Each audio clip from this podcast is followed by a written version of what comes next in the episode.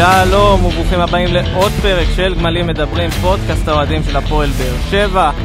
גם את הפרק הזה, כמו את כל הפרקים האחרונים שלנו, אנחנו מקליטים באולפני רדיו דרום, שמארחים אותנו גם בתוכנית היציע הדרומי, אחרי משחקי הבית של הפועל באר שבע. אנחנו מזכירים לכם, אתם יכולים להאזין לנו באפל, בספוטיפיי, בכל אפליקציית פודקאסטים אפשרית. ומי שלא מספיק לנו התוכנית, אפשר לעקוב אחרינו גם בפייסבוק, בטוויטר, באינסטגרם. יש לנו, העלינו סטורי ביום שלישי בבוקר, זרקנו את השטיח הישן, אנחנו מחפשים שטיח חדש. עד שזה יקרה. זה היה אלכס רדנסקי, מה נשמע אלכס? אהלן יוסי, מה נשמע? והיום, אני אגיד לך למה ההתרגשות, קיבלנו פאנל מורחב, אנחנו פה ארבעה אנשים באולפן, ושני אורחים יקרים. אלכס, אני אפילו לא יודע מי להציג ראשון, אתה רוצה אתה להחליט מי ראשון, מי שני? לפי הסדר. לפי הסדר, א' ב'. עורך הדין איתמר רשדי, מהאוהדים הוותיקים, המוכרים והפנאטים של הקבוצה. אהלן איתמר. אהלן חברים, תודה רבה, כיף להיות פה. ורונל ברכה, מה נשמע רונל? מה קורה, אהלן? כיף להיות פה. כיף, אני לא יודע אם כיף, אנחנו מגיעים פה אחרי משחק של כל כולו היה הרבה דברים חוץ מכיף. כן. כיף בחברה הזאת. כן, לא, כיף, איתנו תמיד כיף. אז כאמור, אה, הפסד מול בית"ר ירושלים. זה מילים קודם כל שלא חשבנו שאנחנו נגיד אי פעם כבר, נכון? זה הרגיש כאילו זה כבר לא יכול לקרות. 21 משחקים רצופים בלי הפסד מול בית"ר ירושלים אה, בליגה. הרצף הזה נגמר ביום שני האחרון. ואתם יודעים, לפני שניכנס לשחקנים, או ניכנס בשחקנים, יש דמות אחת שאני חושב שהייתה גם ב, במוקד השיחות של כולם השבוע, וזה ברק בכר. לפני שנדבר גם על ברק בכר, אני רק רוצה להגיד, בסך הכל כבר דיברת על זה, אז המשחק הזה היה חשוב מאוד לאוהדים, מבחינת הסמליות שלו. ציפינו, לפחות בגישה, עזוב כל מה שקורה מסביב. הגישה, גם אם היכולת היא לא מספיק טובה, גם אם השחקנים מספיק טובים, גם אם ברק בכר לא בדיוק איתנו, ואנחנו נדבר על זה עוד מעט. עם זאת, הגישה בשביל האוהדים הייתה חשובה, והקבוצה לא הראתה אה, שזה חשוב לה, לשמח את האוהדים, או לפחות בתקופה הזאת, אה, להביא נחת קצת לאוהדים. אם השחקנים היו מביאים חצי ממה שהקהל הביא בתחילת המשחק, עם האנרגיות והתשוקה, סביר להניח שלא היינו מדברים על זה שהרצף נעצר, אבל אה, ראינו שחקנים אנמים לצערי, ואנחנו נרחיב על זה. אז אני, תרשו לי לחלוק עליכם קצת. אני לא חושב שהשחקנים אנמים, שהשחקנים לא רוצים, אני חושב שהם פשוט לא יכולים. אני חושב שהביאו שחקנים שהם בינוניים במקרה הטוב, ואני חושב שלא משנה כמה הם היו רוצים, כמה הם היו משקיעים, כמה הם היו נותנים את הדם על הדשא, הם פשוט לא יכולים. נכון, אבל גם קבוצות הרבה יותר חלשות, גם מהפועל באר שבע, גם מבחינת הסגל שחקנים, גם מבחינה, בכל אה, בחינה, עדיין, הם, הם כשהם באים למשחק כמו קבוצה נגיד גדולה, או משחק חשוב בשבילם, או רוצים להראות, אז הם מינימום שיכולים לשבור רגליים.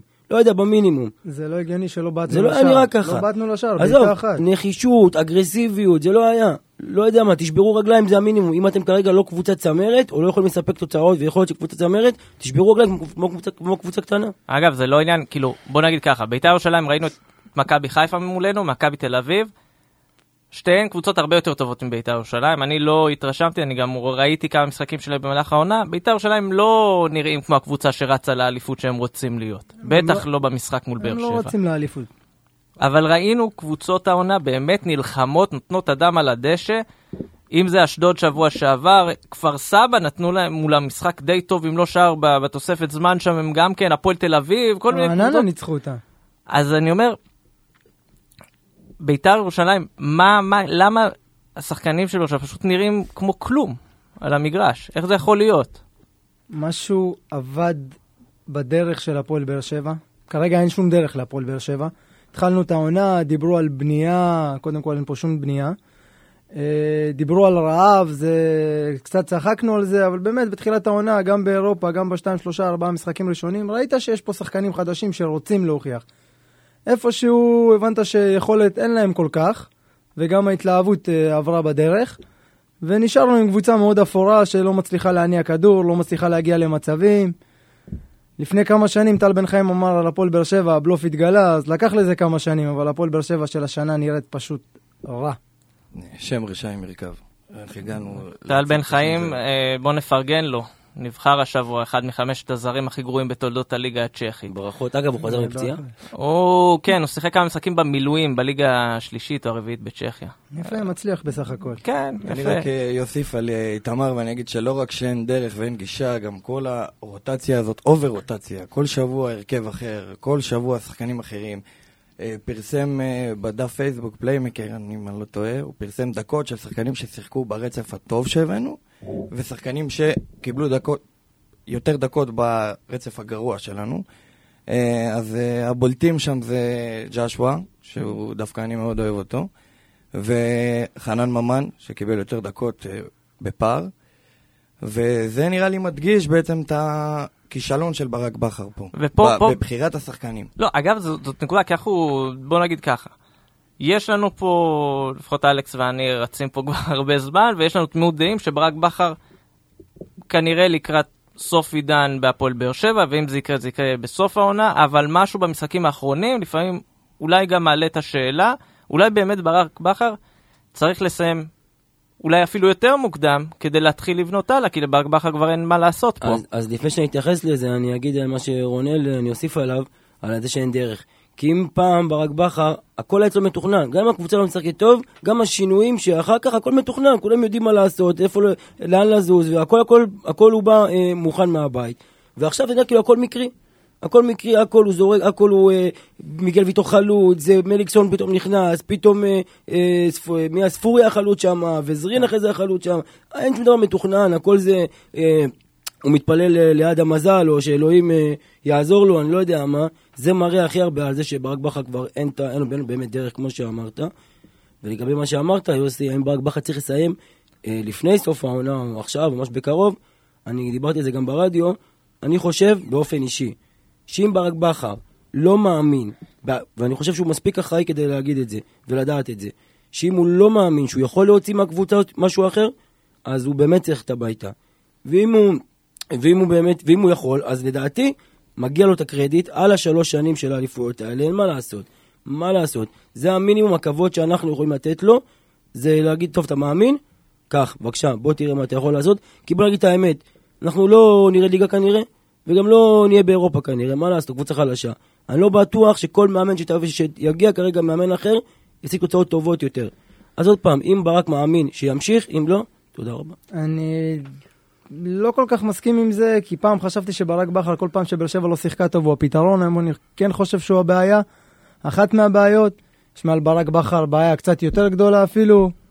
יש לא מעט רכשים שהבעל הבית מתערב יותר ויותר, שיש שחקנים שלא ברק בכר בחר אותם. זה כל מיני אנשים שמדברים על זה, אם זה נכון, לא נכון, אני אין לי כרגע דרך להוכיח את זה, אבל אין עשן בלי אש. תראה, לגבי השמועות, ועוד פעם, יכול להיות שזה נכון, יכול להיות שזה לא נכון, אבל דווקא תמיד בתקופות האלה עולות כל השמועות, כל, ה, כל הדברים, בכר לא עשה אימון טקטי, בכר לא עשה ככה, הם לא מדברים, שמעתי גם שהם בסכסוך, חצי שנה לא מדברים, אלונה וברק בכר, תמיד בתקופות האלה כל השמועות וכל הלכלוכים עולים למעלה, שזה טבעי, כי זה המצב ואנשים מחפשים אה, פתרונות. אז לא יודע אם צריך להאמין לכל דבר, אבל גם יכול להיות שיש מן האמת, אני לא יודע. לא יודע, אבל אתה רואה בתגובות של ברק בכר, אם פעם אתה רואה אותו דקה שלושים, הוא כבר היה משנה מהלך משחק, משנה מערך, יודע מה לעשות, יודע להגיב. הוא לא מגיב היום בזמן, ההרכבים שלו נהיו הזויים. הוא עולה עם הרכב מאוד פחדני בבית שלך, שאתה אמור לתקוף, אתה אמור לשלוט, אתה לא מחזיק בכדור, אתה לא מניע בו. החלוץ הכי טוב שלך, שהוא מלך שערי הליגה, שהוא מוביל את טבלת הכיבושים, פותח על הספסל, אין לך מי יוציא לפועל. אבל, אבל אני רק רוצה להזכיר לא לך, הגיוני. כשהוא לא עלה עם הרכב פחדני, ואפילו לא עלה עם קשר אחורי אחד כמו נגד מכבי חיפה, אז ראינו איך זה נראה, לא שזה נראה הרבה יותר טוב, אבל בואו נגיד שאולי הוא חשב טיפה לאזן את המצב, וזה לא הלך. לא, אני אגיד לך איך הוא- זה השינויים נראה. שלו קיצוניים מדי. אני אגיד לך איך זה נראה, אני אתחבר למה שאיתמר אמר. ברק בכר כרגע יש לו מצד אחד סגל שחקנים מאוד מסוים, שיכול לעשות דברים מסוימים. אתה יודע, כמו שבזמנו הרבה פעמים דיברו, אסלבנק מול וואקמה, ואתה יודע, אפשר לקחת כל שחקן, גם עדן שמיר או קלטינס מול אה, אוגו ואובן. ברור שזה לא אותו דבר. זה צד אחד, וצד שני יש לו את הטקטיקה שלו, פילוסופיית משחק, תקרא לזה איך שאתה רוצה. וכרגע שני הדברים האלה לא יכולים להתחבר אחד עם השני. השחקנים האלה לא מתאימים לשיטה שלו, השיטה שלו לא מתאימה לשחקנים, וכאילו משהו, מישהו שם צריך לש... להתאזן. או שהשחקנים יעלו את הרמה שלהם, כנראה שזה לא יקרה, או שברק בכר פשוט צריך לה... באמת עכשיו להמציא את עצמו מחדש. ואז נשאלת השאלה, אתה אומר, אתה, כמו שאתה אומר, אתה אומר, ברק בכר לא מסתכן עם השחקנים, הוא לא מתואם איתם, אז יבואו אנשים ויגידו, ובצדק, זה השחקנים שהוא הביא. אז למי הוא יכול לבוא בתלונות? זה נכון, אבל שוב, אנחנו כולנו יודעים וכולנו ראינו שהקבוצה שינתה פתאום את השיטה שלה. זה לא הקבוצה של תחילת עונה שרצה יחסית סבבה, זאת קבוצה, זאת קבוצה שמשחקת אחרת, שחקנים אחרים, שיטת משחק שונה, כמעט מוזרה אפילו, אני לא, לא מצליח להבין מה הוא מנסה לעשות שם. ובגלל זה אני אומר, אם אלה הניסיונות שלו לתקן, אז יכול להיות שבאמת באיזשהו שלב, אתה יודע, ספר מהלכים, הספר נגמר, כבר אין לו מה להמציא יותר. אז אני אגיד לך מה, מה היה בתחילת עונה, כי באמת, כנראה שהבאנו שחקנים, אגב, שאולי גם התאימו את המטרות, שהם לא לרוץ לאליפות, אוקיי? לא יודע, לבנייה, אפילו שזו בנייה לא נכונה, עדיין, נגיד לבנייה, אה, לרוץ אולי טיפה למעלה, לנסות להזיק כרטיס לאירופה, נגיד, נגיד, נגיד. עם זאת, שיחקנו כמו בני יהודה, הגנתי, התח... חזרנו אחורה, לא שלטנו בכדור, שאגב, זה כל מה שהייתה ביקורת אה, על הקבוצה השנה, שבניגוד לשנים קודמות, לא שלטנו בכדור ב- ב- ברוב המשחקים של מתחילת העונה. אתה גם לא מייצר מצבים, שזה עוד יותר בעיה. לא, שנייה, אבל שנייה, בתחילה, בתחילת העונה לא שלטנו רוב הזמן בכדור, אבל יצאנו קדימה להתקפות, והצלחנו לעקוץ, ואפילו שלישיות לתת גולים. לא יודע אם זה לעקוץ, אבל באמת אה, שיטה אחרת ממה שהיינו רגילים אליה, סבבה? אה, עכשיו, מה שקרה, אם בתקופת ההחתמה של ג'וסווה כזה, טיפה לפני מכבי, מין שינינו איזה פאזה כזה, אולי בגלל הניצחונות, הצבירת נקודות, ורצינו לרוץ קדימה יותר, ועם סגל שחקנים של קבוצה בינונית, אמצע טבלה, אמרנו אולי נרוץ קדימה לאליפות, ואז פה הבלוף התגלה. אז אני מצטרף לזה, ואני חושב, אני גם, זה משהו שעלה לי בראש, אני חושב שקבוצות שבאות מוכנות להפועל באר שבע, הן פשוט נותנות לה, נותנים את הכדור, כדי שאתם, בואו, תשלטו במגרש, אבל אנחנו ניתן את הכדור, כי אנחנו לא קבוצה שנבנתה כדי לשלוט בכדור ולשלוט במגרש, כי אין לנו את הכלים האלה. יפה. הביאו את uh, ג'שווה, שהוא כאילו אמור לבוא ולתת את המענה הזה של uh, שחקן יצירתי, שמכניס כדורים, והנה אנחנו רואים, הוא משחק קשר אחורי. עם כדורים סתמיים למעלה. כי הוא לא קשר אחורי. זהו, זה הוא לא אילתור. משחק זה- בקשר יש- אחורי, יש הרבה מאוד אלתורים 50-50. בסגל, כמו שאתה רואה את קלטינס פתאום יורד להיות בלם. נכון שהוא יודע- שקלטינס מראה- קצת יותר בלם, אה, זה- אבל זה אילתור. זה מראה לך כמה הסגל לא מאוזן. עזבו אותך שחקנים מרכזיים, ולא הבאת שחקנים לעמדות האלה. עזב אותך חאתם אל-חמיד שהיה אמור להיות עוגן שלך השנה. לא הבאת בלם במקום. אתה משתמש בתחליפים אה, מאולתרים. בתכלס יש לך שלושה בלמים יש לך שלושה. בלמים, אתה מאלתר וגם קאבה, שיחסית יותר טוב משאר הסגל, לא משחק בגלל סיבות שהן לא מקצועיות. יש לך את אה, אוגו שהיה במרכז הקישור, שהיה העוגן, שהיה זה. לא הבאת קשר אחורי ברמה שלו. אלתרת עם... אה, אתה מאלתר עכשיו, לפעמים שם את קלטינס, לפעמים שם את ג'ושוע. קלטינס אה, מתחת לרמתו. סליחה, אתה מאלתר עם שמיר, מאלתר עם ג'וסווה, קלטינס מתחת לרמתו, יש לך את קאבה, אתה לא משתמש בו. אתה מבין שהסגל פה לא מאוזן, לא בנוי כמו שצריך. אני לא יודע אם ברק הביא את השחקנים או אלונה הביא את השחקנים, זה לא כזה משנה. זה לא הגיוני שהפועל באר שבע, להבין את השינוי הקיצוני שהיא עברה, זה להסתכל על קו שמאל במשחק האחרון, להבין שלפני שנתיים התחילו אותו פה את העונה מישי קורות וטוני וואקמה, אתה מסתכל על צד שמאל, רואה את שון גולדברג ורמזי ספורי. זה לרדת מהכי גבוה להכי נמוך. זה אה, פשוט לא הגיוני הקיצוניות אז הזאת. שוב, זה נכון, ובגלל שנגיד לא הבאנו שחקן ב, או ברמה או קרוב לרמה של אוגו, אז באמת האמצע המגרש שלנו הוא אה, לא אותו דבר, ונאלצנו לשחק כמו תחילת עונה עם שלושה שחקנים הגנתיים יותר מבחינת האופי שלהם. וזה באמת עבד, זה גם עבד מול קבוצות יותר חזקות באירופה למשל, שגם שם שיחקנו באותו דבר, הסתגרנו, יצאנו קדימה, והבאנו תוצאות. וגם דיברנו על גם עם זה. קלטינס וגם עם קאבה אגב, שני קשרים אחוריים. לא, אבל השלושה, על השלישיית קישור, דיברנו על זה, שזה נראה כאילו בכר השתחרר מהצורך של יהיה לך אוגו גרזן כזה. אין לך אוגו, אין לך איך להביא שחקן כזה, אז אתה אומר, אוקיי, בכר מצא לזה פתרון, אבל עכשיו זה נראה כאילו הוא זרק את הפתרון הזה לפח. אז בדיוק שמה, כשהייתה איזה שינוי במחשבה, לשחק טיפה יותר התקפי ולרוץ קדימה יותר ולשלוט בכדור, פה אה, נפלנו, פה הכל התפוצץ. וזה כמו שאמרתם, זה, זה נראה כאילו ברגע שהכל התפוצץ, לא היה פלן בי, לא היה שום דבר מתוכנן, תמיד זה אלתורים, תמיד פעם זה, פעם זה, הרכבים שונים. זה באמת נראה איבוד אה, שליטה לגמרי של המאמן, והכל יד הגורל, שהמזל גם, וזה לא הולך איתנו. אגב, הרכבים שונים, אני, אני לא חושב שזה דבר רע לשנות הרכב. יש בעיה ברגע שנניח אתה עושה שינויים, או שהם קיצוניים, כמו לבחור לא לפתוח עם בן סער, שזה החלטה תמוהה לגמרי, אבל גם לתת קרדיט מוגזם לשחקנים, נניח שלא נראים טוב. כמו רמזי ספורי. רמזי ספורי, דוגמה טובה. שון גולדברג, כמה משחקים מהרגע שהוא חזר, לא נראה טוב. אני לא בטוח שאורן ביטון, עם כל התלונות שהיו לנו וזה, לא בטוח שאורן ביטון יותר רע ממנו. בגלל זה אני אומר, ועוד שחקן, עדן שמיר, שעדן שמיר באמת היה פתח טוב את העונה הזאת, עם זאת הוא ביכולת, הוא בירידה מאוד גדולה כמו כל הקבוצה, אבל אני הוא בעצמו... נכנסתי אותו מאז שהוא הביא לי חולצה. אתה מבין? אה, לא, מסכן, גם קיבל אני- זעזוע מוח במשחק האחרון. אני גדול. אני המבקרים של אורן ביטון, באמת. גדול המבקרים שלו, אני חושב שהוא רוח רפאים בהגנה פשוט, אבל שון. גולדברג גורם לי להתגעגע אליו. כן, שון גולדברג, מי כאילו- שראה את המהלך שהוביל לשער של ביתר, שון גולדברג בבעיטה הראשונה לעברו חסם אותה, בש- באותה שנייה כולם צעקו הוא כזה יד, יד, והוא יד, המשיך יד. לעמוד במקום לרוץ עכשיו- לתקוף את השחקן. אה, לא רק שהוא המשיך. לעמוד, הוא גם עמ- עמד כזה, אתה יודע, ועכשיו פחד שיחפשו לו את היד, עמד עם שתי הידיים אחורה, כאילו אמר יאללה, רק תרים מעליי. כאילו, אה, אבל זה בוא- שחקן שמוותר אבל מאוד מהר. בוא נגיד את האמת, כי גם שון גולדברג, תחילת עונה, הוא הפתיע, הוא היה טוב הגנתית, הוא הוא היה עשה טוב. את העבודה שלו מאחורה, גם אבל- באירופה. אבל כנראה כשכולם עושים הגנה וכולם מאחורה, אז כנראה שזה באמת הרבה יותר קל לו. ואמרתי, טוב, אני מעדיף מגן, קודם כל הוא מגן, התפקיד שלו זה להגן, עדיף שיהיה מגן. אבל כשאני רואה שכרגע הוא גם בכושר ירוד, וכנראה שהוא לא מספיק טוב, וגם בהתקפה לא נותן לי כלום, אז אולי באמת עדיף את אורן ביטון, כי לפחות אורן ביטון תורם לי בהתקפה. זה רק מסמל על כמה הבעיות שלך למעלה, שהכלים ההתקפיים היחידים שלך זה בן ביטון ואורן ביטון. אנחנו נדבר על זה, הכלים התקפיים הם זה, אין, הם לא קיימים. בפתיחת, בתחילת השנה, הכלי ההתקפי הכי טוב שלך היה בן ביטון. גם באירופה הוא תמיד יצא קדימה, וזה מראה שחסר לך מישהו גם באמצע וגם קצת לפני החלוץ, שלא מספק את הכדורים הזה, שלא מספק את הכדורים האלה. אתה מבין שיש פה בעיה הרבה יותר גדולה, לא רק מקשר אחורי. חסר להפועל באר שבע הרבה דברים. היא נבנתה בצורה לא נכונה. כל השינויים הקיצוניים האלה שהיא עברה עשו לנו לא טוב. חסר בבאר שבע המון עכשיו. אני מסתכל על לפני שבע שנים, שנשארנו בליגה מחזור אחרון. רק שני שחקנים היו בעונת האליפות הראשונה. מה, מאותו סגל שנשארנו בליגה לפני שבע שנים, שזה אופיר דוד זאדה וויליאם סוארז. שנה אחרי זה הגיעו בן ביטון, אה, אובה, נוגו, אז פה אתה רואה כן בנייה. שמגיעים שחקנים, הגיע ברדה, הגיע בוזגלו לפני כן. אז אתה רואה שהיה לך בעונה שסיימת במקום השני, והפסדת בגמר הגביע לקריית שמונה, היה לך חמישה שחקנים שלקחו אליפות. שנה אחרי זה זה כבר נהיה שבעה שחקנים.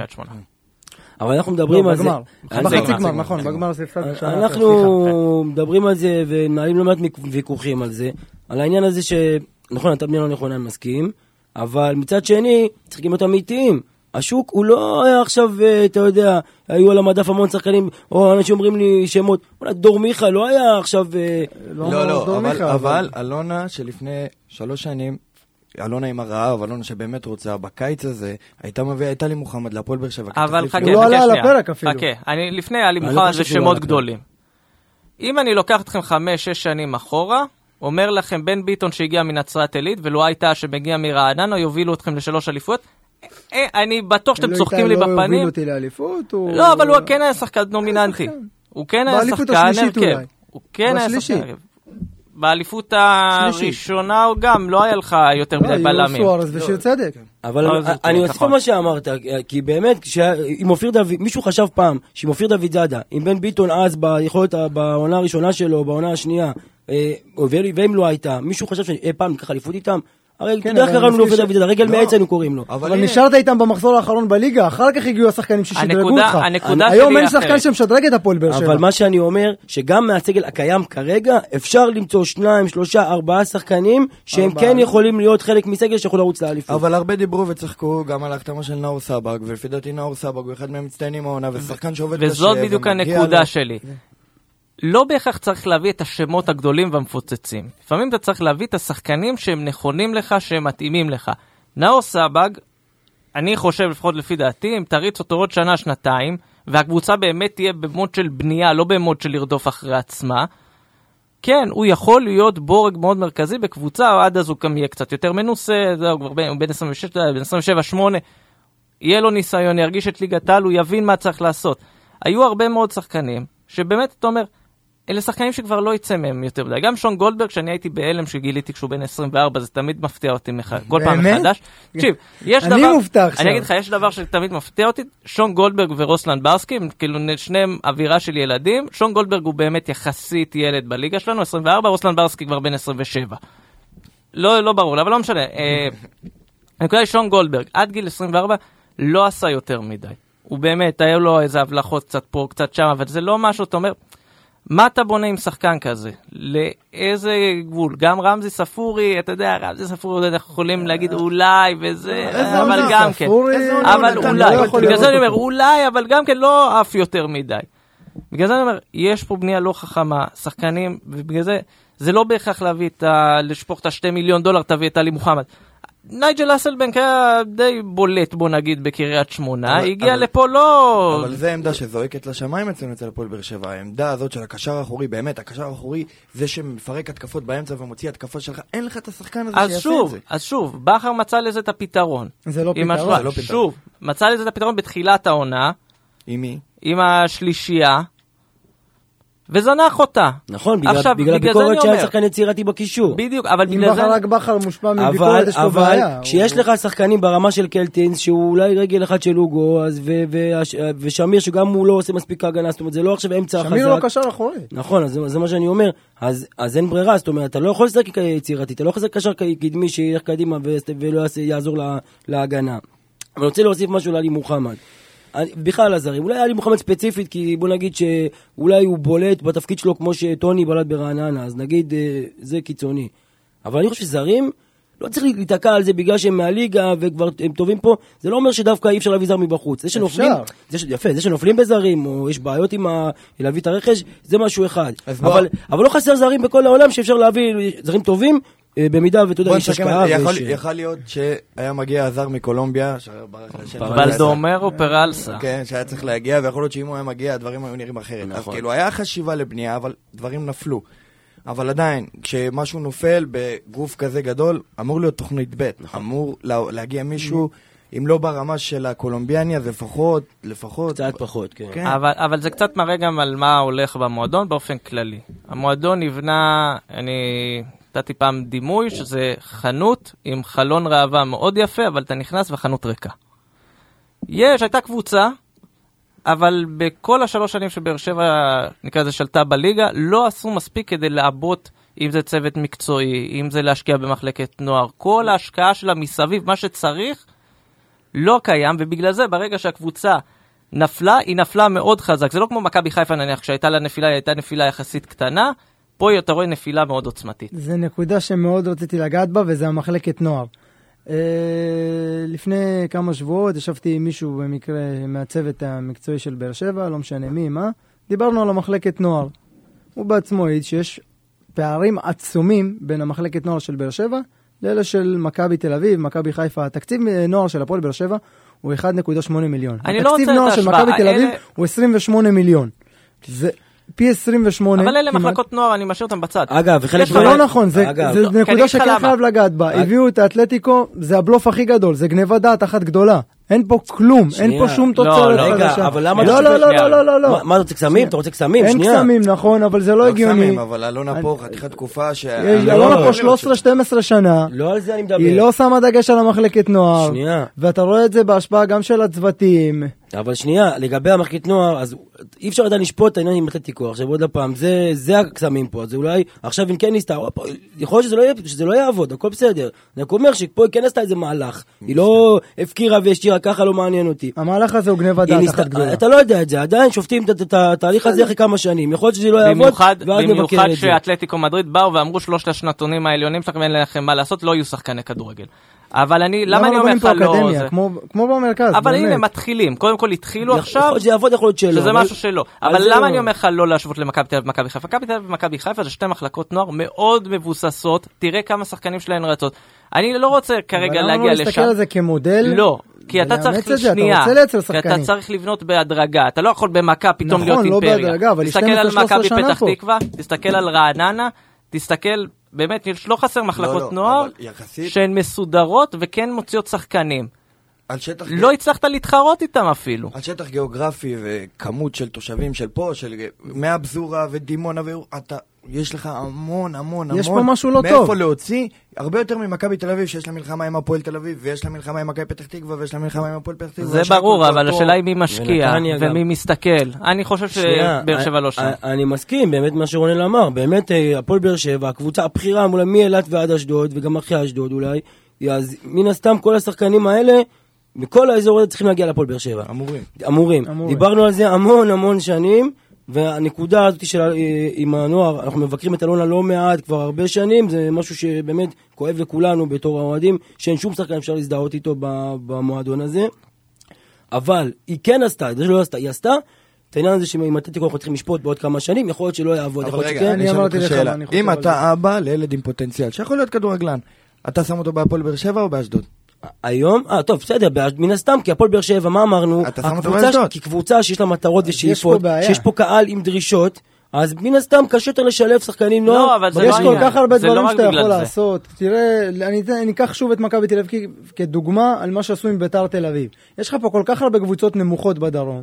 תשקיע, תאמצי איזה עזוב, קבוצה. אפילו לא קבוצה נמוכה. שיהיה לך שחקנים שישחקו ב- בדרך קבע, בליגה לאומית, ישחקו 30 ו-28 משחקים בשנה, ולא משחק פה, משחק שם, משחק למה לא. אפילו לא קבוצה נמוכה, קח את אשקלון, קבוצה אשקלון. מפורקת. קבוצה מפורקת בליגה הלאומית, תשקיע את הכסף, הרי אם, בית- אם מכבי תל אביב לא שמה את הכסף בביתר תל אביב, הקבוצה הזאת נמחקת מזמן. נכון. גם אשקלון רגל וחצי בקבר בערך. לקחת את הכסף, להשקיע, לשלוח לשם שחקני נוער עם מאמן, אני לא יודע מי יאמן, אבל אתה יודע, בסדר, אה, מיש- מישהו שבאר שבע סומכת עליו, אפשר לרוץ. כרגע זה מאוד אקראי, אני לא יודע גם כמה עוקבים אחרי מי שבהשאלות. נניח איתמר שבירו, נפקיע. הבקיע השבוע צמד אה, בראשון, אני לא יודע כמה עוקבים אחריו. בעונה שאין לבאר שבע חלוץ שני, אני לא יודע למה ויתרו עליו כל כך מהר. כי לא חשבו, אה, כי הביאו- התחילו את העונה, התחילו את העונה עם שלושה חלוצים אה, בערך. איתמר שבירו, אני חושב שהוא שחקן טוב, גם כשהוא היה פה, הוא דווקא לא רע בכלל, אלא אבל לא הייתה לו סיומת. הוא יעשה הכל טוב עד השער, עד הנגיעה האחרונה. כבש בערך כמה, עשרה שערים שנה שעברה? שנה שעברה, והלכתם שנה שעברה עשרה. הלכתם לאיתמר שבירו, שכאילו בליגה, דן ביטון, זה כאילו, זה דן הדוגמה ביטון הכי- זה, אבל זה בתקופה שבאמת היה קשה לשלב אותו. לא, אבל אני חייב אה, להגיד משהו.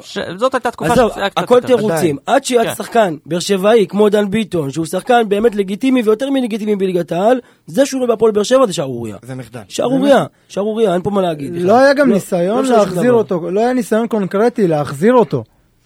נכון שהוא קיבל אחר כך את ההצעה מלודו גורץ, אבל במהלך הדרך הוא לא עלה אף פעם בלקסיקון של הפועל באר שבע כשחקן שצריך לחזור לפה. אמרו, יש לנו שחקנים, יש את מיכאל אוחנה, שאגב, מיכאל אוחנה, הבאת אותו לפה, כביכול, שעליו לבנות לשנים הבאות.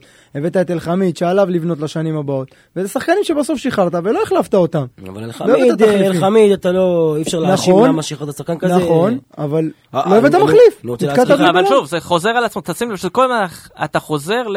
סבבה, שחררו, למה לא הביאו מחליף? הבעיה תמיד הייתה בלהביא את המחליף, או לייצר את המחליף אבל- בעצמך. אבל אני רוצה שם לה- הייתה לא חושבים. קדימה, הם היו רואים רק את הכאן ועכשיו, ולא חושבים מה יקרה עוד שנה, עוד זהו, שנתיים. זה השאלה, עם כמה אז שאנחנו... התסריט של הפועל באר שבע היה כתוב מראש כנראה. עם כמה שאנחנו אנשים אה, אינטליגנטים, כמה שבהפועל באר שבע לא יושבים אנשים כמונו שאמורים לדבר על הדברים האלה. להציף אותם, לדעת אותם, לפתור את הבעיות האלה מראש. תראה, באחד המחזור. באחד הפרקים הקודמים אמרנו כמה בעיות, אחת מהן זה שאין דמות מקצועית, הדמות המקצועית היחידה באמת בקבוצה זה ברק בכר. אין, כאילו, גם נניח עכשיו יש תהליך של הבאת שחקנים, יש, לא יודע, ברדה או דודו ממליצים על שחקן, זה בכר ואסי רחמים. זאת אומרת שיש לך איש מקצוע אחד בתכלס שמביא, כאילו, ש- שם את החותמת על שחקן. נכון? כנראה שבכר הוא הבעיה. עכשיו פה בעיה, עכשיו, לא בהכרח יכול להיות שזה גם בעיה של אלונה, שלא שמה מנהל מקצועי, גם אפשרות. דבר שני, במחלקת נוער, שיש בה אה, מאמנים ואנשי מקצוע שעובדים המון המון שנים, אבל לא מצליחים לייצר שחקן אחד ראוי לקבוצת בוגרים בליגת העל, אני חושב שגם זה משהו שצריך לת- לתת עליו את הדעת, וזה שלא נותנים עליו את הדעת, זו בעיה חמורה, כי זה כאילו, אני, אני נותן אמון למישהו שלא מצליח, בכלל. זה נכשלת. נכשלת לגמרי. Uh, טוב, היו עוד דברים, כאילו אנחנו, כאילו במשחק הזה, uh, מאור מליקסון מתחיל להעריך את כמות הדקות שלו על הדשא. כבר 45 דקות ועוד מליקסון, קצת. שוב, זה עוד פלסטר שמנסים לשים. לא, אני- ברור, ברור, ברור. הנקודה שלי לא האם מליקסון אה, אה. יציל את העונה. מליקסון לא יציל את העונה, אף אחד לא יציל את העונה, בסדר? אני, אני רוצה להגיד משהו אבל השאלה היא. האם אנחנו רואים פה תחילתו של קאמבק שלא האמנו לא, על מליקסון, על מליקסון. אני... כל דקה שלו היא ברכה שנייה, בשבילנו. אני רוצה ממש להגיד משהו על מליקסון. באמת, עם כל הכבוד והערכה פה, אין מה זה. אבל גם צריך להיות אמיתיים, הבן אדם הוא לא זז במגרש, הוא הכל בהליכה. יכול להיות שהוא יש לו, אין לו ביטחון, יכול להיות שכואב לו. אני קצת אה, מפריזים פה עם, עם המחמאות, ה, גם במשחק הקודם, באמת עם כל האהבה, ואין אה, מישהו שאני אוהב יותר מאור מליקסון בחיים האלה. חוץ מאשתי אולי, גם לא, היא לא שומעת את זה בכל מקרה. היא לא מאזינה, אני אוהב אותו יותר ממך. אבל אה, באמת, אבל בוא בוא נהיה אמיתיים. יש לו את הנגיעות ואת הטאץ' וזה מרגש לראות אותו ככה אחרי שכבר אמרנו, כבר הוא קבור. אבל בוא נהיה, הוא לא זז במגרש, הוא לא הולך והוא לא הפתרון. ובטח שלא החילוף במשחק האחרון, שהוא זרק אותו כאילו להציל את הזה, לא היה לו מה לתרום. בואו נהיה את הוא האמת. בן 35, אז הוא לא נכון, שיחק שבעה נכון. חודשים. בסדר, נכון. לזרוק אותו שוב, אמרתי, זה כמו לנסות לשים עוד פלסטר. מאור מליקסון, מה שיש לו ברגליים, יש לו ברגליים. נכון. הוא יכול לתת את המסירת מפתח, הוא יכול לעשות איזה דריבל ולעבור את השחקן שלו. אבל, אני גם אבל לא זה חושב- יכול לקרות פעם אחת במשחק. אני גם לא חושב שמישהו בונה על זה שהוא. יחזור להרכב, ועד, למשל. ועד שהוא כבר, אתה יודע, אולי יצבור יותר דקות וטיפה יותר כושר במשחק, הוא כבר יהיה ב-36, ובואו, עם כל הכבוד, הוא... מאור מליקסון, אני חושב שזה היה חילוף אה, פופוליסטי. לגמרי. ב- כמו החילוף של זריאן, אותו דבר. זריאן, כאילו הקהל רוצה, כי זריאן מפקיע מול ביתר, אז אני אכניס את זריאן, למרות שאין לי אמצע. אבל אתה לא צריך להכניס את זריאן, אתה צריך להכניס אמצע, אתה צריך להכניס נאור סבג. אבל הכנסת את זריאן כי הקהל רוצה. אז הכנסת את מליקסון כי הקהל רוצה. אבל uh, מליקסון באזור הדקה ה-70-75, יש את התרגיל הזה שהוא עושה עם הסיבוב, הוא עושה אותו בעצימת עיניים בדרך כלל, והוא לא הצליח לעשות אותו אפילו. נכון, מסכים איתך לגמרי. מאוד קשה. אגב, אה, רואים גם אה, מול ביתר, בעיקר מול מכבי חיפה ראו את זה, שכבר שחקנים יודעים מול מה הם עומדים, אז הרבה פעמים אתה רואה שגם מנסים להיכנס לו כזה ברגליים בשביל להוריד לו את הביטחון עוד יותר, כאילו... כל כניסה כזאת מדליקה מאוד את הקהל. כן, זה כמו, זה כמו כניסות במיגל ויטור עכשיו, אבל uh, את האמת, גם כשהוא היה בריא וכשיר, כשהיו נכנסים במליקסון, אתה מרגיש רעש כזה. זה היה ב... נראה לי בדקות הראשונות מול לודו גורץ, איזה דקה שלישית, אני זוכר איזה כניסה שם, ופתאום שמעת את הקהל, אל תיגעו לו במאור. לא לגעת במה הוא אג- במיוחד לא עכשיו מסכן. אגב, החילופים הפופוליסטיים זה עוד משהו שברק לא היה עושה פעם. אני מסתכל על המשחקים הראשונים של ברק, כשהוא הוציא את ברדה בדקה ה-30 בטון. היה לברק אופי, הוא היה חזק, היום ברק בכר נראה שפוף, גם הניהול משחק שלו, משהו לא עובד אצלו. אמרתי את זה לקראת סוף השנה שעברה, עם חשש מאוד גדול, היום החשש שלי הוא הרבה יותר קונקרטי, והרגשתי שברק בכר מיצה את הפועל באר שבע, שהפועל באר שבע מיצתה את ברק בכר. אני מאוד אוהב את ברק, הוא גדול המאמנים פה, אבל הוא חייב ללכת. יכול להיות שמיצוי זה נכון, ויכול להיות שכבר גם ברק נשבר לו, אבל יש פה עוד צדדים שאנחנו לא מסתכלים עליהם כמו גודל החוזה שברק בכר יושב עליו, שלא אלונה ולא ברק נראה לי יוותרו בקלות על... ברק מהצד שלו לא יוותר בטוח, ואני מבין אותו בכל זאת, זה פרנסה. ואלונה, לפטר מאמן כזה ולשלם לו פיצויים, את הסכומים המטורפים האלה, זה לא ריאלי. אם לשניהם הפועל באר שבע חשובה, שיגיעו להסכם. אז בגלל זה שוב פעם אני אמרתי, אם הוא באמת, באמת, וגם אלונה, לא מספיק שהוא יגיד, אה, אין לי איך להוציא מהקבוצה הזאת, או שאני יכול, סליחה, שאני יכול להוציא מהקבוצה הזאת יותר, או עוד פעם להוציא אותה. זה גם מה שאלונה מרגישה בשיחות ביניהם, ומה שרואים באימונים, ומה שאסי, שהוא גם אה, אה, דמות שקובעת במועדון. אז מה שאני אומר, שזה לא רק ברק בכר יגיד, כן, אה, תקשיבו, אני יכול להוציא מהקבוצה, תנו לי צ'אנס ויהיה בסדר. זה לא מספיק. אם האווירה הכללית, אם ההרגשה היא שיש לו עוד מה לתת, והוא עוד יכול אה, אה, להוציא את הקבוצה הזאת, אז כן, הוא צריך להישאר. גם החשיבות שמאמן כזה, שזה לא עוד מאמן, לסיים עם זה יפה, לא פיטורים ולא זה. לסיים את העונה הזאת שכנראה שאנחנו בדצמבר, הים, החורף עוד לא התחיל, אנחנו כבר צריכים, אה, מחכים לקיץ, אני לא יודע לאן נלך, אולי ניסע לתאילנד, כי שם חם כרגע, אני לא יודע. אבל טוב, כבר- קיץ הלכנו לים. פנוי, אולי לא יהיה אירופה. אבל אם יבוא מאמן אחר, מי יבוא? מסיידגו? לא הבנתי מי. וגם יוסי אבוקסיס, כל, כל, כל מי שאומר יוסי אבוקסיס. זה מאמן שאני אומר לכם, מחזור ארבע משחקים מקהלים אותו על הגדר. כי אין חסד נעורים. והקהל של באר שבע, אם עכשיו לא שומר לברכה חסד נעורים, אז אחרי ארבע מאמנים, כל, אחרי ארבע משחקים, כל מאמן אחר יקבל קללות. לפני אז- מאמן אתה צריך מנהל מקצועי. וסליחה, ורשמתי, ו- ועוד משהו, רשמתי עוד משהו אחד אה, השבוע. שאנחנו לא, לחזור לקרוסלת מאמנים, זה לא כיף. זה לא כיף לה, כל פעם מאמן אחר. היה כיף כמה שנים אותו מאמן, שקט, היה תענוג. אבל אין שקט עכשיו. אז מה שאני אומר, כשאין ברירה, חוזרים ל- למצב הזה.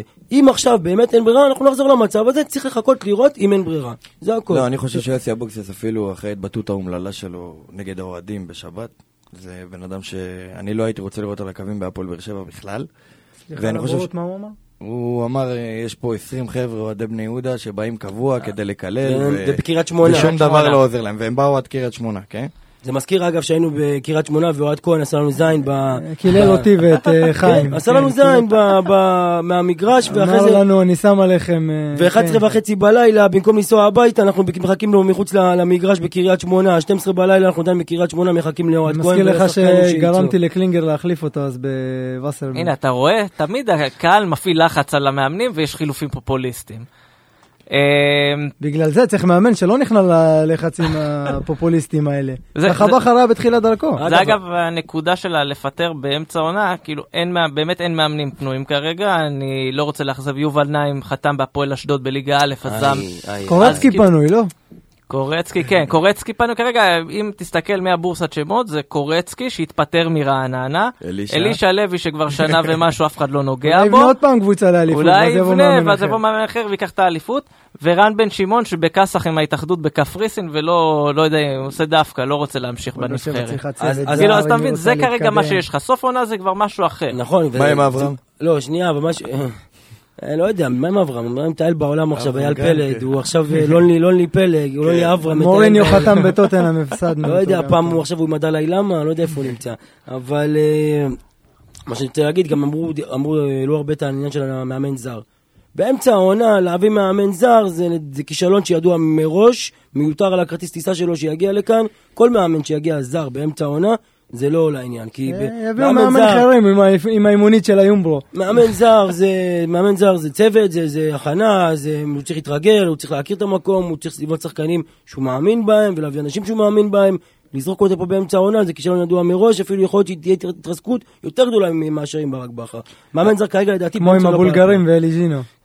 אני מאמין שאם וכאשר יעשו צעד כזה, שאני לא מאמין שיקרה העונה, אבל לפי דעתי ברדה יתפוס את החודשים עד לסוף. אני לא. יודע אם אה, הלב שלו יכול לתת לו זה. לא רק הלב, גם העובדה שאין לו תעודת פרו. אה, אין לו פרו. הוא עשה הוא אה, עוד קורס לא מאמנים. סיים. עשה בסוף, לא? הוא עשה קורס מאמנים, אבל לא פרו. שיעשה מה שעושים תמיד, מעמידים מישהו עם כן, תעודת אבל פרו, מה והוא קורה? זה אה, אתה מבין, זה... אבל גם... נביא את אבי בוחבוט שיבוא.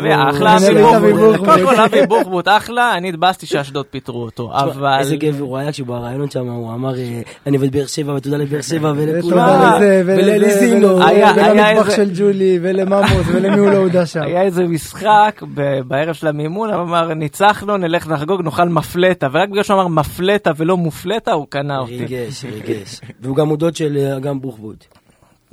עוד משהו, ויש, יש משפחה ענפה. כן. אה, הנקודה שלי, אגב, ברדה ועם מאמן לחצי עונה, אני לא חושב שזה גם מהלך נכון ל- להביא מאמן לחצי עונה, ואז תחילת עונה הבאה, הכל מחדש. כי אם אתה רוצה לבנות, אתה חייב לשמור על יציבות, ולא באמת, כמו שאלכס אמר, הקרוסלה הזאת של המאמנים. אז ברק יסיים את העונה. ברק חייב לסיים את העונה גם, שוב, בסוף עונה יש לך הרבה יותר אופציות, אתה רואה מאמנים שמסיימים חוזה, יותר קל למאמנים להשתחרר מחוזה, קל להמציא סיפורים שאבוקסיס כבר חתום ובכר בביתר וכל מיני דברים כאלה. כמו שאמרתי, אני מקווה שברק יסיים את העונה, כי אני מקווה שהאווירה והתנאים שייווצרו כרגע יאפשרו לו לסיים את זה.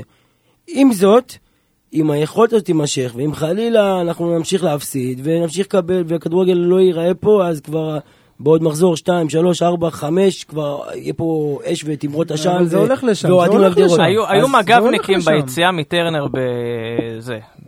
אגב, ביום שני, ואני... כבר נגד מכבי חיפה כבר זה היה. כן, היו, ראינו כמה דברים. כבר במזרחי התחילו לשמוע קולות, הדרומי עוד רגוע, המערבי, עובדי המפעלים שם, אה, ברום וואי שם וואי, כבר, נותנים, אה, נותנים עבודה, חביבי. שם. נותנים עבודה. יש כאלה, את האמת, שמה, מה יפה? יש שם כאלה שגם באליפות השנייה אמרו שבכר צריך אה, להתפטר. נקודה אחרונה לפני שאנחנו מסתכלים, אנחנו מתחילים להסתכל לעתיד. במחזורים האחרונים תמיד דיברנו על פאוליניו, שיבוא פאוליניו, יבוא... אנחנו רוצים שיבוא פאוליניו, כאילו כבר, זה נראה כאילו זה לא הרכש שאנחנו צריכים בכלל. היום חשבתי על זה, כאילו... והוא עלה למגרש, עם מי הוא משחק? מי, מי נותן לו את הכדור? מה... זה נראה כאילו רק ז'וזואה, שיש לו זהו. קצת חוכמת משחק, אולי הוא יכול להסתדר איתה, אבל גם כן, מה מה הלאה? שתי. שחקנים. כן, זהו, זה הבעיה. פאוליניו לא ישנה את הפועל באר שבע של השנה, לא. זה לא מה שבאר שבע צריכה, יכול להיות שהוא שחקן מעולה, אבל אני מסתכל על הבעיה העיקרית של באר שבע, שזה מרכז השדה, שחקנים שמניעים כדור, שחקנים שמחזיקים כדור, שחקנים שיוצרים מצבים. אין את זה להפועל באר שבע, בגלל זה אני חושב שבכר לא יכול להמשיך. יש לך פה את חנן ממן שהוא שרף אותו, ואני לא יודע למה שחקן שלפני שנה וחצי הביא לך אליפות. שחקן הכי יצירתי היום בקבוצה. אבל שנייה, הוא צריך אבל- לקבל את אבל- הקרדיט, הוא צריך מאמן שמאמין בו. אבל שנייה, אתה זה אומר... שחקן שיכול לתת לך, אבל מה שאני זה אומר... שחקן שיכול לתת לך השנה מספרים, והוא צריך את המאמן שיאמין בו, שייתן לו את הקרדיט הזה. אין בעיה, שנייה. אבל- בכר, יש לו יותר מדי אבל- בעיות עם יותר מדי שחקנים, מה האגו שלו מדבר. תודה רבה, אוהבים אותך, בוא נמשיך קדימה. מה שאני שואל, האם עם הסגל הקיים כרגע, שבאמת שחקנים חלשים, האם מאמן אחר, בלי השינויים האלה, יכול להוציא משהו יותר? אני לא חושב. בגלל זה יש את ינואר, ועדיף שיבוא מאמן לפני ינואר, אה, שיוכל לגעת באיזה שחקן שתיים, שכן יתאימו לשיטה גם- ולדרך יכול שלו. להיות שאם יביאו לברק בכר עוד שחקן שניים, אה, אתה יודע, לאזן את הקבוצה, כי בוא נגיד את האמת, כמו שאמרנו, פעמים זה לא מספיק, יכול להיות שזה יתרום, כי לפחות במצבים, אולי ייצר כמה מצבים, שחקן טיפה, אתה יודע, כי אנחנו- יש לנו כרגע בעיה באגפים חמורה, לא מרין ולא ספורי, לא מייצרים שום מצב, לא קרוסים, לא- לא בישולים, מספרים, אפס מספרים. אולי מרין שער אחד, אבל, אה, וספורי אפס ואפס בישולים, זה מזעזע. עכשיו, אה, אני אומר, הפועל באר שבע בשביל להתאזן, היא צריכה בלם, קשר אחורי וחלוץ רק בשביל להתאזן. ומגן ועכשיו- שמאלי. ומגן שמאלי, ועכשיו היא צריכה להתחבר. אז פה העבודה עוד ארוכה, אני לא אה, בטוח. אני בתחילת שנה זוכר אם אתה צעקת, סליחה רונן, אני בתחילת שנה צעקתי שהעמדה הראשונה שהפועל באר שבע צריכה זה מגן שמאלי זר. אבל אי אפשר להביא 11 זרים, כי כרגע באר שבע צריכה צריך 11 להביא, זרים. אבל באר לא, שבע הביאה בתחילת זרים לעמדות לא נכונות. זהו, בתחילת העונה באמת, אני- שוב, עכשיו אנחנו יכולים די לנתח את זה בדיעבד, ודיברנו נכון. על עניין השוער, שיכול להיות שהיה מיותר לשבץ שם זר. אה, ג'ימי מרין, עם כל החיבה שלנו והאהבה שלנו אליו ידועה, יכול להיות שבאמת בבאר שבע הנוכחית זה סתם כאילו להחזיק עוד שחקן. אה, יש, יש כמה עמדות שהן כרגע בעייתיות ואנחנו לא רואים אליהן אופק. אז אבל- רגע, רק לגבי חנן ממן, אז אה, חנן ממן זה אחד מהשחקנים שהקבוצה רצה טוב, עד מקום שני הוא לא קיבל דקות בכלל. ומאז שהוא התחיל לקבל דקות, הקבוצה בירידה לתהום. הוא, ניב. זריאן, אה, ג'ימי מרין בהתחלה קיבל הרבה קרדיט, פתאום נפל, ובהתחלה שג'ימי מרין שיחק, אז הקבוצה רצה ורצה טוב, וזה מספרים. אפשר אני- אגיד עם ככה. מספרים. הוא פתח נגד נתניה, ניצחת, אז משחק אחרי זה הוא פתח נגד נס ציונה, הפסדת, זהו. לא, ג'ימי מרין, עובדה, ברצף, לא, הוא דיבר על שיחק ממן, יותר ממן, דקות. לא, דיברתי על ממן. הוא שיחק שני משחקים. אני אגיד לך. משהו לא, על ממן. ממן קיבל הרבה שיחק יותר דקות מאז שהתחיל המשבר. הוא קיבל הרבה יותר דקות ועדיין הוא לא הוכיח את שיחק עצמו. שני משחקים, פתח נגד נתניה וניצחת, והוא פתח שבוע אחרי זה נגד נס ציונה והפסדת. דקה אני אביא את המספרים. אני אגיד לך ככה משהו על ממן. ממן, הנה, אנחנו רואים חסד נעורים. אה, ממן, כולם נתקעים עליה לפני שנתיים, כבר אנחנו לפני שנתיים עם האליפות ההיא. שנה שעברה כשהוא קיבל את הקרדיט, הוא לא היה טוב, נכון שכל הקבוצה לא הייתה טובה, אבל אני חושב שדווקא בגלל חסד נעורים הזה, אנשים לא ממהרים לערוף את הראש שלו. ופה, ופה אני חושב חושב שיש פה בעיה. אותו. הנה, לא, רגע. אני חושב שיש פה בעיה, כי לא מבינים שחנן ממן יוסי. באותה עונה נתן עונת שיא, שזו לא הרמה שלו באמת. יוסי. זמן- זמן של מספרים ולא יאללה. שלך. אה, חנן ממן, מחזורים 1 עד 7, שיחק 60 דקות במצטבר, הקבוצה צברה 17 נקודות. מחזורים 8 עד 14, חנן ממן שיחק 247 דקות, הקבוצה צברה 6 נקודות. אבל מתוכם שני משחקים שהוא שיחק 90 דקות, אה, שהוא פתח בשני משחקים, סליחה. בסדר, אבל הנה, מספר. 247. שהדקות שהוא קיבל, הקבוצה הייתה פחות טובה. הוא, נבזיין, טוב, טוב, אנחנו לא נ... זה, כי יש לנו עוד הרבה דברים, ויש לנו עכשיו שבוע עמוס, אוקיי? כאילו, אפשר לפתח את השיחה על אפשר ממן עוד לסיים- מילה הרבה, אחת על חנן ממן ונסיים עם חנן ממן? ונסיים בכלל. נסיים בכלל. חנן ממן, אה, הוא, כולם יודעים שכדורגל יש לו, הכל בסדר. הבעיה עם חנן ממן, שהוא לא שחקן יציב. תמיד אמרנו, אנחנו צריכים שחקן כמו חנן ממן עם יציבות. הוא יכול לתת משחק, שתיים טוב, ואז הוא נעלם. זה הבעיה. הוא צריך קשר אחורי מאחוריו, זה גם משהו. כי הוא לא עושה זה הגנה. גם נכון. יאללה, לשבוע הקרוב אנחנו מתחילים שבוע עמוס, אה, שלושה משחקים, אבל אה, באמצע אנחנו נקליט עוד פרק, אז אנחנו לא עכשיו נח- נחפור על הכל, אבל קודם כל, בראש ובראשונה, יום שבת חמש וחצי, גביע המדינה מ"ס אשדוד בחוץ, אה, דיברתי על זה פה, אמרתי שאני שונא- אני אוהב את גביע המדינה כל עוד הפועל באר שבע לא מעורבת בו, אני שונא- אנחנו לא טובים במפעל הזה, באמת. פעם אני- לנו קבוצת גביע. אני כאילו תמיד אוהב, בוא נגמור, כי חבל למתוח את זה, למתוח את זה, ואתה מגיע חצי גמר, או אתה יודע, שלב מאוחר, אתה כולך בהתרגשות, ואז מפסיד למכבי תל אביב כרגיל. כמו שזה נראה כרגע, ועם הרזומה הלא כל כך טוב שלנו במגרש באשדוד, שאנחנו מתקשים שם תמיד, אה, זה לא נראה גם שאנחנו הולכים אה, להוציא, לחזור עם בשורה ככה טובה מאשדוד. גם, אתה יודע, גם אם ננצח, זה לא יהיה בכדורגל גדול. אני מקווה שננצח. אבל כמו שנראה, אנחנו גם שם לא הולכים לנצח את המשחק הזה, ונעוף מהגביע, וזה יוסיף אה, לאווירת דיכאון. מסתבר שאני פסימי, אבל כמובן שאין אף אחד פה מקום לאופטימיות. אין לנו יותר מדי אופטימיות, אנחנו נראים רע, אין קסמים בכדורגל, אתה תגיע לאשדוד, זה לא שפתאום תייצר כדורגל אה, של, אה, של ברצלונה או ריאל מדריד, שאגב משחקות היום עוד מעט. אגב, זה מזכיר לי את השנה שעברה נגד נתניה, שגם באנו טיפה אולי יותר, אה, פחות בדיכאון, אבל אה, עדיין באנו. בתקופה לא טובה, הפסדנו את המשחק שם, אז זה מזכיר לי טיפה... וגם, זה, אה, זה נראה כאילו לא רק, אה, לא רק. התקופה, ולא רק... אשדוד תמיד מגרש קשה לשחק בו, תמיד. העונה היא כבשה שחורה של כל הקבוצות בצמרת. היא- לא. כבשה שחורה, היא פשוט קבוצה... אולי עכשיו שאנחנו יודעים. מהצמרת, בית"ר. זה- אז אולי כן, זה, לשחק. על 0-0. יש לה אחלה כלים, ואנחנו, אם לא ור, אנחנו מפסידים שם גם. נכון, נכון, נכון. אם לא עבר, שאני ככה ביקרתי הרבה את עבר, ורציתי להחזיר אותו לעבר, אבל... אה, אבל עבר הציל אותנו השנה, ויכול להיות שהיינו במצב יותר גרוע אפילו. אבל אשדוד הוא מגרש קשה, עם קבוצה ביתית שיודעת לנצל את הביתיות, אה, את העובדה שהמגרש הזה הוא מגרש קשה, והוא עושה את המוות לקבוצות וגם לנו. יהיה מאוד קשה. אם נצליח לנצח, מה טוב, כנראה נעוף בסיבוב הבא, זה לא משנה. אז אה, קצת דחינו, אבל אולי טיפה ככה להמתיק את הגלולה המרה. אני חושב. שהקבוצה בגביע- ובכר צריכים לתת הכל כדי להביא לאוהדים את המשחק הזה. כאילו, בגביע לפחות אתה צריך בגביע. לעבור.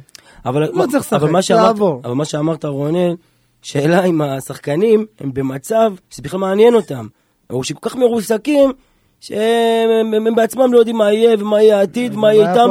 והם כל שבוע, כמו שאמרנו, יש אה, הרכב אחר, אז הם בכלל לא יודעים אם גם הם יהיו טובים או לא טובים, אם שבוע הבא הם יפתחו, יכול להיות שבכלל לא יהיו בסגל, זה ה- הקיצוניות פה בין ההרכב לבין מחוץ לסגל היא, היא מאוד גדולה. תשמע, מה שהם צריכים לעשות זה פשוט להתייחס לגביע כמו שאלישע לוי היה מתייחס למשחקים, נכון שהוא אף פעם לא היה מדבר אליפות אליפות, ממשחק למשחק, אז אותו דבר גביע.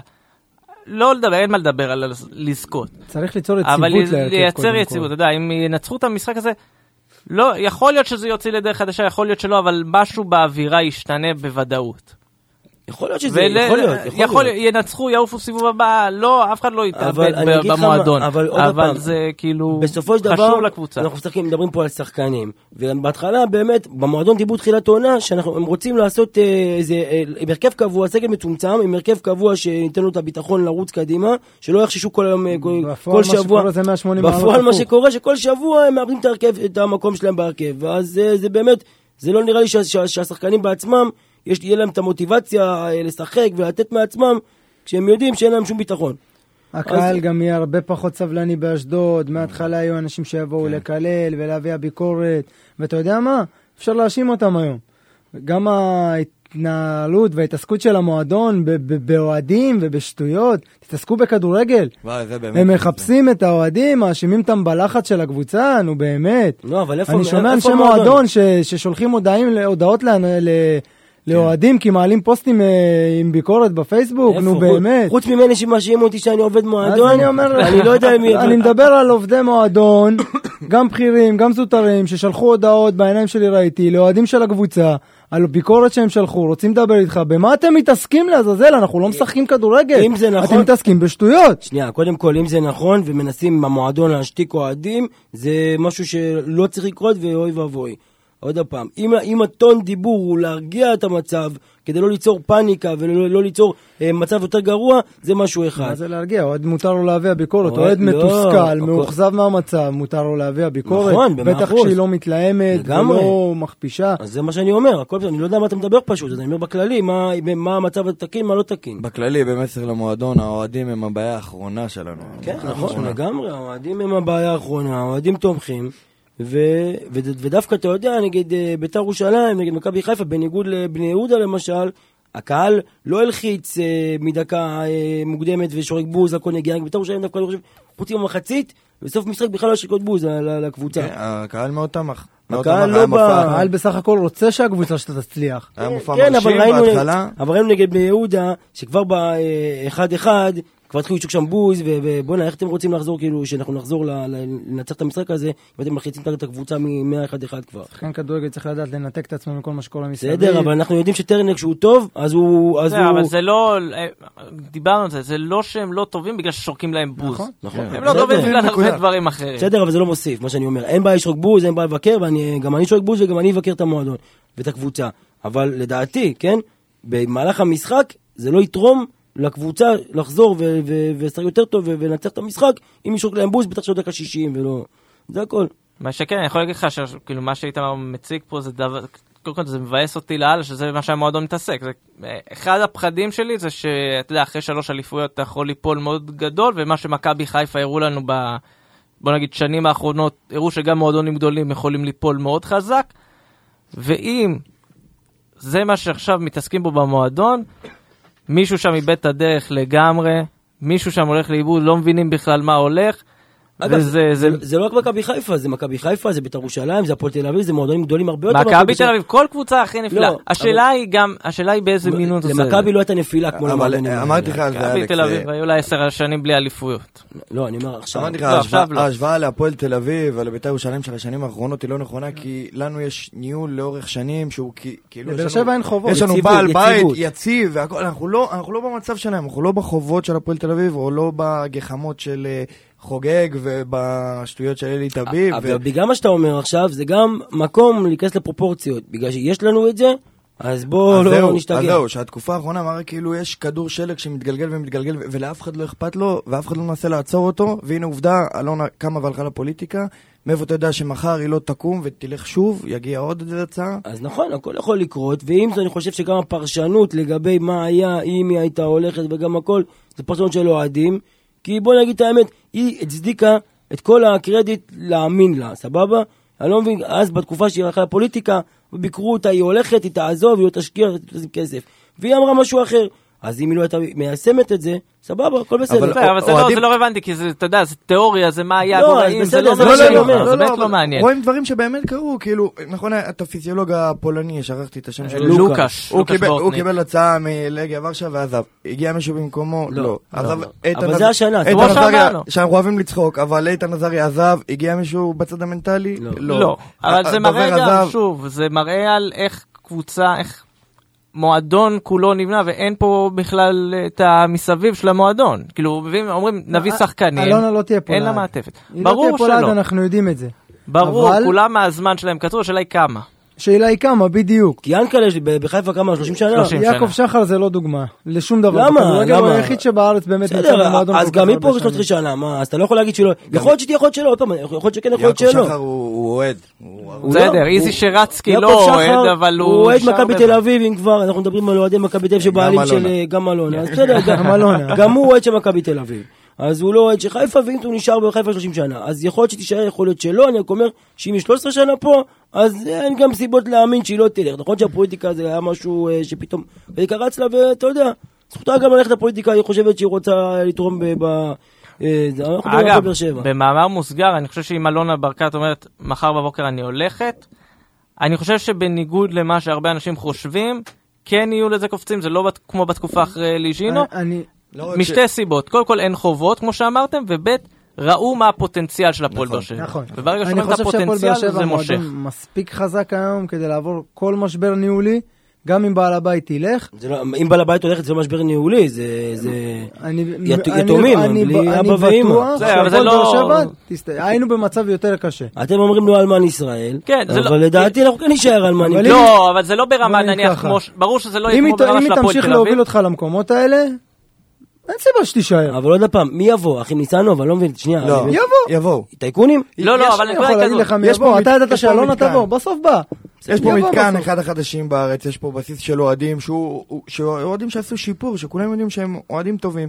המועדון ללא חובות, אני לא חושב שיש מישהו שכאילו מתעניין בכדורגל ורוצה לרכוש קבוצה שיש לו קרקע יותר פוריה מזאת. כן, אבל אנחנו רואים כמה, אומנם בית"ר ירושלים ופוטף זה לא עם- עם הרזומה, עם השם של אה, הקהל כמו שהפועל באר שבע, אוקיי? לפחות לא היום, כי גם לבאר שבע שם קהל... אה, ביתר עמדה על סף פירוק. אז זה מה שאני. אומר, אנחנו רואים את הפועל תל אביב, אנחנו רואים, גם לפני שנתניה קנו את ה- אה, סגל. גם מי חיפשה הרבה זמן רוכש, וביתר ירושלים, בטח שמחפשים רוכש הרבה זמן. לקחו. אותם אוהדים שהם באים של סופר שמשקיעים שקל ועשרים ומשלמים בתווים של, סופר, תווים לחג. אז בוא, שנייה אחת. הנקודה היא, אבל לא... אין הרבה משוגעים לדבר, אין הרבה טייקונים שבאים לשים כסף ולזרוק לזרוק לפח, אין הרבה כאלה. השם של עידן עופר רץ פה כבר כמה שנים, כאילו הוא עכשיו... זה לא ריאלי, דן אז עופר. יפה, אז אז אבל חלאס עם ה- גם השם אלונה לא עלה בזמנו, אני מזכיר לך, ובסוף בא מישהו ששם את הכסף. ומה עברנו? צבי רחבי שבא ותרם שקל ועשרים ומשאיל אבל זה היה תקופות. שונות, גם אז היה חובות ועניינים, והפועל באר שבע לא הייתה נקייה בדיוק. היה פה הרבה רעל, בוא נקרא לזה ככה. זה משהו שלא קיים היום.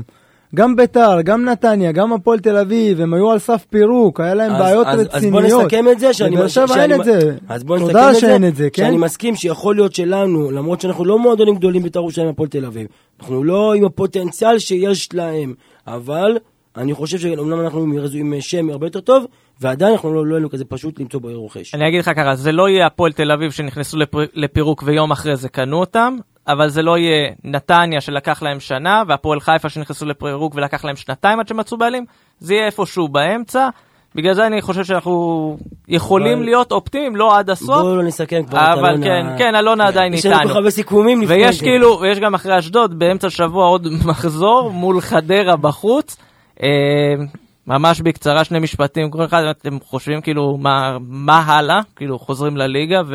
אני לא יודע אם לגביע יהיה השלכות לגבי מה שקשור לליגה, כי הפועל באר שבע כרגע נמצאת במקום שלא נראה טוב, לא נראה טוב. אז גם ניצחון בגביע, לא יודע אם יצליח להביא אנרגיות אחרות לליגה. אני חושב ההפך, אני חושב ניצחון בגביע דווקא יביא רוח גבית לחדרה, ואני מנסה להיות. אופטימי. אבל אתה יודע, בדרך כלל אה, אצלנו, כשאנחנו בתקופה לא טובה, אנחנו נותנים ככה כמו איזה ניצחון כזה, ואז אנחנו חושבים, יאללה, יוצאים דרך חדשה, ואז אנחנו מפסידים, והכל כאילו לא קרה כלום. אז אה, אני מקווה, כמו שאמרנו, שטיפה, הניצחון באשדוד טיפה ימתיק את הגלולה המרה, כי כבר נמאס כל שבוע. זה חמישה הפסדים בשבע, בשבע משחקים. כן, זה זה לא. נתפס. זה לא נתפס, זה לא היה שנים דבר כזה. אנחנו לא יודעים איך לעכל את זה, מתוכם שלוש בבית, שזה זה לא נתפס בכלל. לפלייאוף התחתון לאט לאט. אז אה, באמת זה כבר משהו אחר לגמרי, זה כבר מתסכל, זה כל שבוע אתה נכנס לדיכאון יותר גדול. אז באמת טיפה קצת להתעודד ואולי טיפה לשאוב אה, אופטימיות. אני לא בטוח שזה גם אה, ישתנה הרבה לקראת חדרה, כי בוא נגיד את האמת, הבעיות קיימות וגם יהיו קיימות אחרי אשדוד. אז אה, נקווה לטוב, מעבר לזה אין כל כך מה להגיד. אני מקווה שקאבה יחזור להרכב ושספורי יראה את היציאה. מה הסיפור עם קאבה באמת? אה, זו, אז שנייה אחת, עם גיא צרפתי. אז יפה, ריב עם גיא צרפתי. אז אה, זה חלק מה שאמרתי מקודם. גיא צרפתי קודם כל זה לא הפועל באר שבע, אגב, אני לא יכול שנייה, להיות שנייה, שנייה. יכול- להיות שזה נכון, ויכול להיות שזה לא נכון, אבל זה גם שמועות שעולות תמיד בתקופות הלא טובות. הנה, ההוא רב עם גיא צרפתי, הם לא מדברים, ההוא אמר לו ככה, אלונה ואסי לא מדברים, אלונה וברק לא מדברים, בכר ולא יודע מי, שמעון חייבה לא מדברים, אז אה, בוא, זה שמועות תמיד עולות כשלא טוב. יכול להיות שזה נכון, יכול להיות שזה לא נכון, אף אחד מאיתנו לא יודע. לא. אבל... אגב, אה, גיא צרפתי- קאבה נעלם, ממש. קאבה נעלם, אז אני לא יודע למה. הורידו אותו למחתרת. וזה חבל, כי דווקא שחקן כזה אנחנו צריכים אותו עכשיו, כי שחקן שהוא נלחם והגנתי, גם אם הוא לא עכשיו אה, בוסקץ, אבל עדיין. כן. הוא הוכיח את זה דווקא אחרי המשחק הגרוע שהיה מול מכבי תל אביב, שהוא השחקן שהרים את עצמו הכי גבוה, והיה השחקן הכי יציב שלך הרבה מאוד נכון, מחזורים נכון, שנה קאבה. קאבה- זה מראה לך על מקצוענות, מראה לך על אופי של שחקן שיכול להתמודד עם מצבים לא טובים של קבוצה. אני אומר, יכול להיות שזה לא מקצועי, אבל למהר ולהגיד ולהסית נגד אנשים, צרפתי, למרות שאין לי שום, שום, אין לי שום חיבה לצרפתי, אבל אה, עוד פעם, אבל לה- להגיד שזה בגלל צרפתי, אמר לו, אל תיתן לו לשחק, זה כבר ספקולציות של אוהדים ושמועות שמצבים קשים. אז רק בשביל לסגור את הפינה, עכשיו שני המשחקים האלה, מה הסיכוי שאנחנו מקליטים שבוע הבא אחרי שני ניצחונות? 14 אני אומר, אנחנו, אתם כאילו, אני מביא אתכם שבוע הבא, נעלה אתכם בטלפון מקסימום. 14 אחוז. 14 אחוז. 30 אחוז. אני- אני אופטימי, 50 אחוז. יש פה אופטימיים. אני חושב שזה... אתה, יש לך, אתה סטטיסטיקאי אה, אני- סטטיסטיקאי שלנו. אם אני אלך עכשיו לפי הסטטיסטיקה ולא לפי התחושות בטן, זה יצא יותר מדי. טוב חברים, תודה רבה שהאזנתם לנו, אנחנו היינו גמלים מדברים, פודקאסט האוהדים של הפועל באר שבע, הקלטנו באולפני רדיו דרום, אנחנו עוד, אה, יש לנו שבוע הבא פרק אה, עם הרבה הרבה על מה לדבר, כמו שאתם רואים. אה, אתם יכולים להאזין לנו באפל, בספוטיפיי, בכל אפליקציית פודקאסטים אפשרית. אה, תעקבו אחרינו בפייסבוק, בטוויטר, באינסטגרם. הורדנו פילטר חדש לא- לאינסטגרם. לכולם עכשיו יש פילטר ויש אה, קוקו כמו של שון גולדברג, אז תבואו, זה כיף. שעושה מספרת אגב. וואו. זה. זה אנחנו נעשה נראה לי פרק מיוחד רק על זה. אגב, עכשיו האוהדים נדע טרנד כל שבוע לפתוח איזה דף אחר. עולם. אוהדים, אוהד. אוהד.